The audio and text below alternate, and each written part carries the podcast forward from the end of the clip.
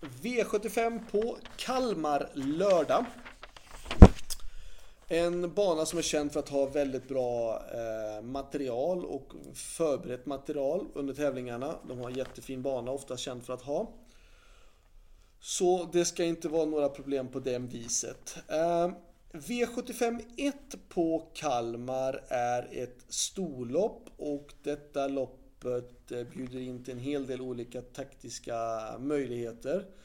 Det som jag tror är ganska klart är att jag tror inte att någon av hästarna som står på start kommer leda loppet för att de hästar som står på 20 kommer att utmana ganska hårt tror jag och det kommer inte få sitta i fred. Jag tror inte att någon av dem som står på start kan vinna eh, på förhand.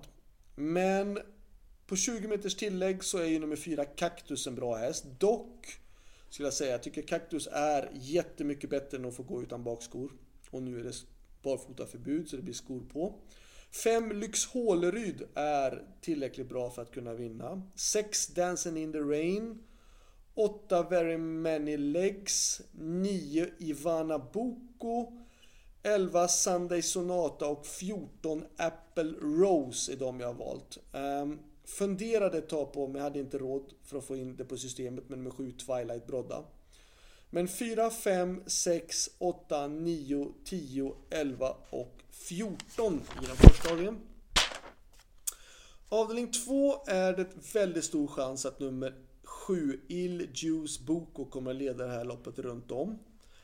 Men jag vågar inte riktigt helt lita på det. Jag har valt att dubbla systemet och ta med nummer 12 Global Venture i den andra avdelningen. Så 7, 12 i avdelning 2.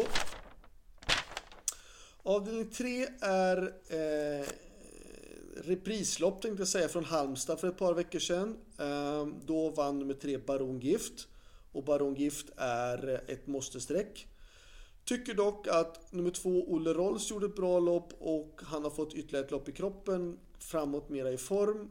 Eh, så det är absolut värt att ta med. Sen är det ett måste-streck på nummer 6 Stepping Spaceboy. Och Sist på Halmstad där då var även nummer 9 Stole the Show med och gick bra och har så fått ytterligare lopp i kroppen nu eh, och kan vara intressant. Så att 2, 3, 6 och 9. Första häst för mig är nummer 6 Stepping Spaceball som har varit jättebra ju. Avdelning 4.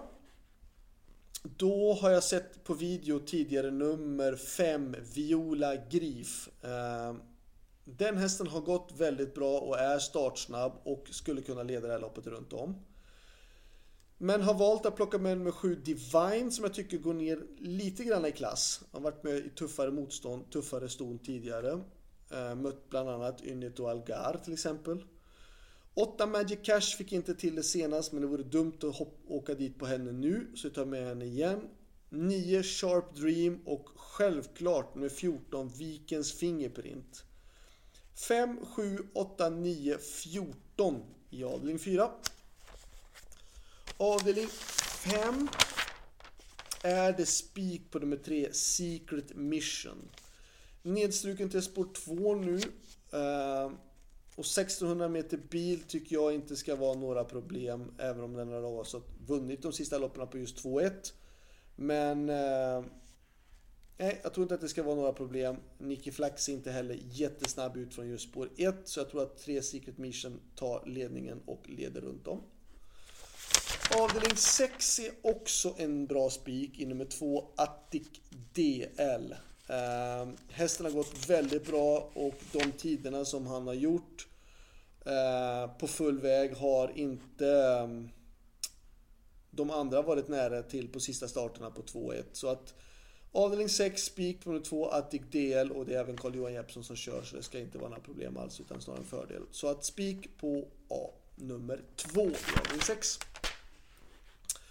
Avdelning 7 har vi råd att ta med några fler streck och då tar vi med nummer 1 Eldorado Miras. 2 Velasquez Scar som nu har ett bra spår, gick ändå vara sexa med ett dåligt utgångsläge senast. 3 Man at Work, ett måste-streck och så tar vi med nummer 4, Franklin Face, som hade lite otur senast. Så 1, 2, 3 och 4 i avdelning 5. Slutsummering så tycker jag med tanke på hur den har sett ut på slutet så är den bästa spiken i omgången nummer 6 i avdelning 6 nummer 2 Attic DL. Ska vi ta varningarna? I avdelning 1 tycker jag man ska passa upp eh, i sådana fall för nummer 10 Miss Pastis. Erik Adelsson från springspår på 20 meters tillägg. Kan mycket väl vara att han sitter i ledningen redan efter 100 meter. Avdelning 2 ska man ta med ytterligare något streck. Då tycker jag att man ska ta med nummer 10, Barbaresco VV. Uh, eh, den är för mig tredje hästen i loppet. Avdelning 3. En häst som ger debut i guldvisionen, men som kan avsluta oerhört eh, om han får rätta loppet är nummer 12, Linus Boy. Avdelning 4. Då tycker jag att det är intressant med nummer 3, Novell Avenue. Uh, bra utgångsläge. Skulle han kunna få vinnarhålet eller något sånt där. Uh, skulle kunna absolut vara intressant. Avdelning 5. Värsta motbud till Secret Mission tycker jag på förhand det är klart att nummer ett, Nicky Flax, skulle kunna få vinnarhålet. Men jag tror inte att det blir någon lucka i det här loppet. Jag tror inte det. Och då tror jag att nummer 11, Lexington Hall, är värsta motståndaren i sådana fall och varningen. Och i avdelning 6 tror jag att nummer 1, Ingo, ändra från vinnarhålet eller då leda runt om och nummer två Attic BL gör, del gör bort sig. Men ett Ingo är värsta motståndaren. Avdelning 7, då tycker jag att den femte hästen i loppet och den som är gynnad av att det är korta distans den här gången, det var 2-1 senast, det är nummer 5 Önas Nogat. Eh, ledde ju ändå loppet eh, eh senast. Ehm, jag tror att Önas Nougat är klart gynnad av att det är 1600 istället för 2-1. Så det var allt. Lycka till så hörs vi igen nästa vecka. Ha det bra. Hej då.